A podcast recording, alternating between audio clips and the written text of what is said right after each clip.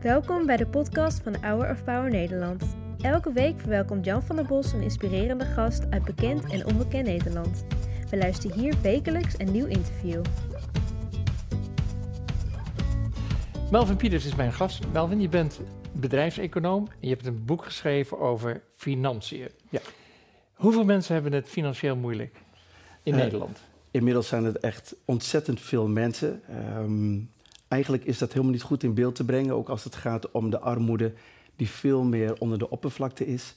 Eh, maar inmiddels hebben we denk ik echt wel eh, meer dan een miljoen gezinnen die problemen hebben met Ja. financiën.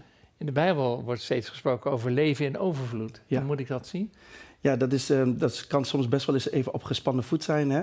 Van eh, hoe ziet overvloed er nou uit? Ehm, dan zouden we eigenlijk ook met elkaar moeten hebben van... Goh, wat is eigenlijk de definitie van de overvloed dan? Hè? Hebben we het dan eigenlijk echt alleen maar over geld, over een auto en een huis? Of zijn het ook hele andere dingen die niet tegelijk materieel tastbaar zijn? Nee, want je denkt eigenlijk onmiddellijk als je over eh, overvloed praat... van ja, kan ik eh, op vakantie nog? Kan ik nog mijn eh, Ja. gas- en lichtrekening betalen? Kan Ja. ik zo meteen nog de boodschappen doen die ik wil? Ja. Want het, daar draait het nu wel heel erg om in deze gespannen economie. Ja, zeker. En, en dat is, ik wil dat ook niet zomaar uitvlakken. Hè? We moeten wel echt de realiteit onder ogen zien. En de mensen die daar echt moeite mee hebben. Alleen ik heb daardoor ook zeg maar, dat boek geschreven om wel het gesprek op tafel te leggen. Om het er met elkaar over te hebben. Om er niet voor weg te lopen van, goh, dit is misschien wat de Bijbel zegt. Maar zo ervaar ik dat niet in mijn dagelijks leven. Jezus zegt, de armen zullen altijd bij je zijn. Ja. Dus Ja. zelfs 2000 jaar geleden gaf Jezus al toe, er zullen rijken zijn, want die ontmoette die ook. Klopt. Maar er zullen ook altijd arme mensen zijn. Ja. Ik snap dat eigenlijk niet. Nou, en daarin, kijk, dat is ook een stukje realiteit die er, die er is. Hè. Er zijn rijken, er zijn armen. En ik denk dat er voor ons ook een opdracht ligt van maar hoe gaan we daar dan mee om? Hè? Hoe gaan de armen Ja, daar hoe gaan we daar dan mee om? Nou, ik denk dat, dat, er, ehm, dat we dan veel meer gaan naar wie wij zijn. En in hoe wij bijvoorbeeld de Heer Jezus zouden kunnen weerspiegelen. In overvloed. Hè, want van God wordt zelf ook gezegd dat eh, nou, al het goud en zilver is van Hem. En wat ik veel meer heb ontdekt is de rechtvaardigheid van een persoon bepaalt heel erg hoe zijn vermogen wordt besteed. En wat ik daar eigenlijk Zit concreet... er niet een oordeel in? Ehm, dat zou he- heel goed kunnen. Ehm, en dat is ook een onderdeel van een gespannen voet die daar Ja. zit. Waarvan ik denk, eh, laten we het daar met elkaar over hebben. Want vaak weten we ook niet van elkaar hoe we in het leven staan. De armen denken misschien zo over de rijken en de rijken denken misschien zo over de armen. En het zou juist mooi zijn dat we die twee bij elkaar kunnen brengen om gewoon eens elkaars wereld te begrijpen. Ja, maar hoe breng je die dan bij elkaar? Je hebt bijvoorbeeld een tv-programma waarin een arm gezin in een eh, woning gaat die ze zich nooit kunnen veroorloven. Ja. Een eh, gezin die zeer welvarend is in een doorzonwoning gaat wonen voor een weekje. Ja. Heeft het zoiets zin? Ehm, nou ja, voor de televisie is het natuurlijk wel heel interessant om gewoon eens te kijken van wat daar gebeurt. Maar daar ben ik niet op uit. Ik ben veel meer uit op dat we ook met elkaar kunnen gaan kijken van maar hoe kunnen we elkaar nou concreet helpen. En gelukkig zijn er al heel veel organisaties in Nederland die dat al heel concreet doen. Maar ik doel ook bijvoorbeeld gewoon op de kerk als een maatschappelijke functie die zij ook heeft. Hè, van hoe zouden we dat nou kunnen doen? En eh, de reden waarom dat niet altijd wordt toegepast is helemaal niet dat mensen niet willen, maar veel meer waar beginnen we? Hoe doen we dat nou? En wat voor oordeel heb ik hierover? Mag ik überhaupt daar een mening over hebben? Hebben mensen er zelf voor gezorgd dat ze in die problemen zijn gekomen? En wat nou als ik een tientje geef? Hoe wordt het dan gespendeerd? En al die vragen zijn heel legitiem, zijn ook heel terecht. Maar hoe gaan we dat dan eigenlijk in een vat gieten waarin we eigenlijk beter tot elkaar kunnen komen? En de titel zegt: De economie draait om jou. Maar als je mijn boek hebt gelezen, dan kun je de titel vervangen door Het Evangelie draait om jou. En de reden waarom ik dat zeg is eigenlijk als je kijkt naar hoe eh, de economie in het Oude Testament voor het volk Israël is ingericht, is niets meer of minder dan het profetisch beeld dat de Jezus zou komen om onze schuld te betalen. Om te herstellen wat we hebben verloren door de zondeval. En om dat dan ook weer concreet te maken in het dagelijks leven. Dat we eigenlijk mensen bij elkaar moeten gaan brengen. De ene is misschien wat meer vermogend, de ander heeft misschien wat expertise, de ander kan misschien goed zorgen voor pastoraal gesprek. Ehm, en degene die geholpen moet worden, dat we kunnen zeggen, goh, kunnen we met elkaar om tafel zitten? Kunnen wij heel... Dus het beeld wat je nu schetst is eigenlijk wat je in, in de Bijbel leest eh, van de eerste christelijke gemeenten die werden gesticht. Daar deelden ze alles samen. Alles. Ja, ja. daar deelden ze alles samen. Niemand had tekort. Hè? Dat is wat de Bijbel zegt. En ehm, nou, dat is überhaupt al wel een vraagstuk op zich, hè? om te zeggen, we hebben alles samen. Maar wat ik dan wel geloof is van, goh, maar misschien hoeven we niet gelijk alles op één hoop te gooien. Maar misschien kunnen we wel veel meer delen en elkaar helpen met elkaar. Ja. En dat is natuurlijk een uitdaging. En dat is ook een, een hartsgesteldheid.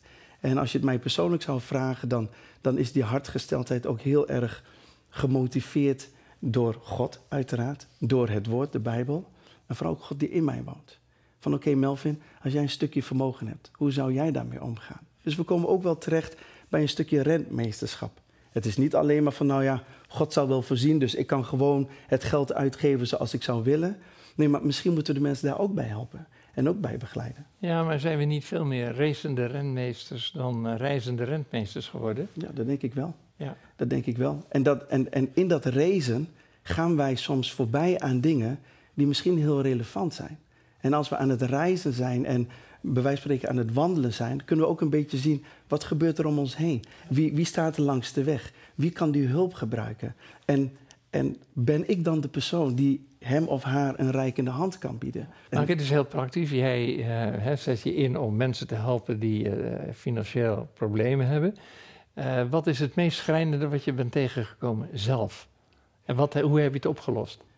Het meest schrijnende is eigenlijk dat de schulden zodanig waren opgelopen en dat de kans bestond dat of meneer of mevrouw gewoon echt moest gaan vastzitten om op die manier de schuld af te betalen.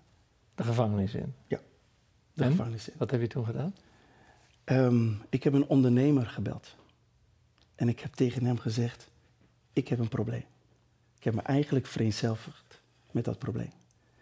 Ik zeg, ik weet niet of je me kan helpen, maar dit is een hulpvraag. Zou jij ons kunnen helpen? En dit is wat hij tegen mij zei. Hij zegt, Melvin, ik kom vanavond bij jou thuis. Zeg maar wat er moet gebeuren. Ik had het antwoord natuurlijk niet zomaar verwacht. Diezelfde avond zaten we bij elkaar en het gezin zat aan tafel die deze probleem, problematiek had. En dan zegt die ondernemer dit. Melvin, zeg maar wat er moet gebeuren. Ik heb mijn bankpas bij me. Dus zei ik van, oh, oké, wacht eens even. Dus jij bent ook nog serieus. Ja, natuurlijk was die serieus. Maar als het dan gebeurt en dat gezin kan geholpen worden... en de schulden werden afbetaald... en deze dreiging, dat, die was niet meer. En om te weten dat, dat dit gezin nu schuldvrij is. Dat het nou klaar is. Dat ze geholpen worden. Dat ze kunnen doen wat ze moeten doen. Um, ja, dan is het aan de ene kant heel schrijnend. Hè, en dan laat ik nog even weg wat het allemaal met hun deed. En de pijn en verdriet en de schaamte, noem maar op. Dan, dan is dat heerlijk om dat gewoon te mogen doen. En dan is het in mijn optiek is dat een klein stukje evangelie die we heel praktisch hebben gemaakt. Ja. Je schuld is betaald. Ja, ja dat wilde ik doortrekken naar Jezus, die, hè, die voor ons uh, heeft, is gestorven en daarmee de schuld voor onze zonde heeft betaald. Ja. Maar dat trek jij door, maakt het ook heel praktisch. Hè? Van dat, dat offer van hem moet ook een offer van ons worden naar de ander. Ja, en dat is, en dat is niet makkelijk. En dat, dat, dat kan ook gewoon weerstand oproepen in je. Dat je denkt, ja, dag, ik heb toch ook gewoon keihard gewerkt voor mijn zenten en dan moet je maar opletten. Oh, maar de Heer Jezus dacht, deze, deze wereld is verloren. En ze hadden misschien ook maar zelf een beetje moeten opletten. Maar hij had ons zo lief dat hij naar deze wereld is gekomen en voor ons aan het kruis is gestorven. En ik ben op zoek gegaan en, en, dat is ook een beetje mijn reis geweest. Hoe kunnen we dat ook echt letterlijk uh, en concreet maken? Want we gaan naar de kerk en we horen dat onze schuld is betaald. En we hebben het soms zo geestelijk gemaakt dat we niet meer denken dat je het ook heel praktisch in de financiën kan toepassen. Er zijn gezinnen die torenhoge schulden hebben zonder dat het uh, hun fout is. deze mensen kom ik ook tegen en deze mensen heb ik ook gewoon in de praktijk geholpen. Uh, te bellen met schuldeisers, te bellen met deurwaarders, maar vooral ook even te luisteren. Even luisteren. Hoe zijn deze mensen nou in deze situatie terechtgekomen? Gewoon zonder enig oordeel. En zelfs als iemand daar zelf verantwoordelijk voor is geweest om toch te zeggen, maar we willen je toch helpen. Maar ben je bereid om geholpen te worden? En ik merk ook in de praktijk dat mensen daar enorm voor openstaan. Want ze hebben even iemand nodig die hun niet alleen maar aanhoort, maar ook begrijpt. En op het moment dat je het begrijpt en je kan dan ook nog je expertise toepassen om praktisch aan de slag te gaan, dat is al een eerste stap. Mijn oproep is daardoor eigenlijk ook gewoon dat mensen ons gaan toerusten. Dat we gaan zeggen, goh, ik zou best wel eens willen helpen. Wat zijn zo al de redenen dat mensen in die problemen komen? Wat gebeurt er niet alleen achter de voordeur, maar wat gebeurt er ook vooral in hun hart? Wat doet het met hun? Gewoon psychisch, emotioneel, zelfs fysiek. En, en dat we dan zeggen van, god, dan ben ik nog niet tegelijk de expert. Maar misschien zouden we wel onszelf klaar kunnen maken om ook dat stukje, en dat noem ik eigenlijk gewoon een stukje financieel pastoraat, dat we op dat gebied ook wat kunnen betekenen. Dat vind ik wel leuk, financieel pastoraat, die kende ik nog niet. Nee, ik, ik, heb het ook maar gewoon voor mezelf bedacht, omdat daarnaast heb je ook gewoon gewoon pastoraat, hè, dat mensen gewoon problemen, ik loop hier tegenaan of daar tegenaan. Maar de reden waarom ik het financieel pastoraat noem, omdat ik persoonlijk geloof dat het ook wel een stukje expertise is. Want ik denk dat we niet altijd in de gaten hebben wat financiële problemen met zich meebrengen als het gaat om je emotie, als het gaat om je denkwereld. En als ik ietsjes dieper ga, wat het zelfs doet met je identiteit. Mensen kunnen daardoor onzeker worden. Maar als je bijvoorbeeld niet zou kunnen deelnemen aan bepaalde activiteiten, hè, waarin je heel graag aan zou willen deelnemen, maar dat je zegt van misschien met een smoesje van eh, ik kan niet, terwijl je heel graag daarbij zou willen zijn. Misschien kinderen die niet mee kunnen met een schoolreisje. En gelukkig zijn er genoeg scholen die op zoek gaan naar die oplossingen. Uh, kinderen krijgen veel meer mee thuis dan dat misschien ouders denken. En dat ouders denken, ja, maar hier moet ik echt wel mee aan de gang. Dat doet iets met je. En dat zal voor de een in meer, uh, meerdere mate of mindere mate zijn. Maar het kan zeker iets met je doen. Maar we kunnen niet wegkijken. We, we, moeten, we moeten hier wat mee. En is de economie dan rechtvaardig? Nee. Nee, die is gewoon niet altijd rechtvaardig. En dat mogen we ook tegen elkaar zeggen. En als iemand zegt, dit is onrechtvaardig, dit voelt onrechtvaardig, dan zeg ik, maar dat snap ik ook heel goed. En dat is het ook. Maar intussen, wat gaan we dan doen? Gaan we het zo laten?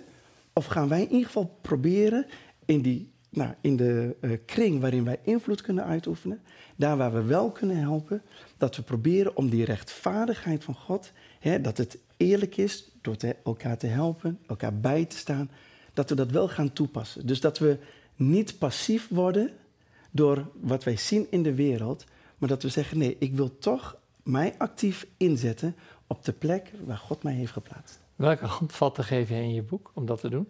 Een van de dingen is niet alleen maar dat het goed is om mensen te helpen, maar een handvat is ook wel dat mensen die geholpen zouden moeten worden, ook toch proberen om uit hun schuilplaats te komen.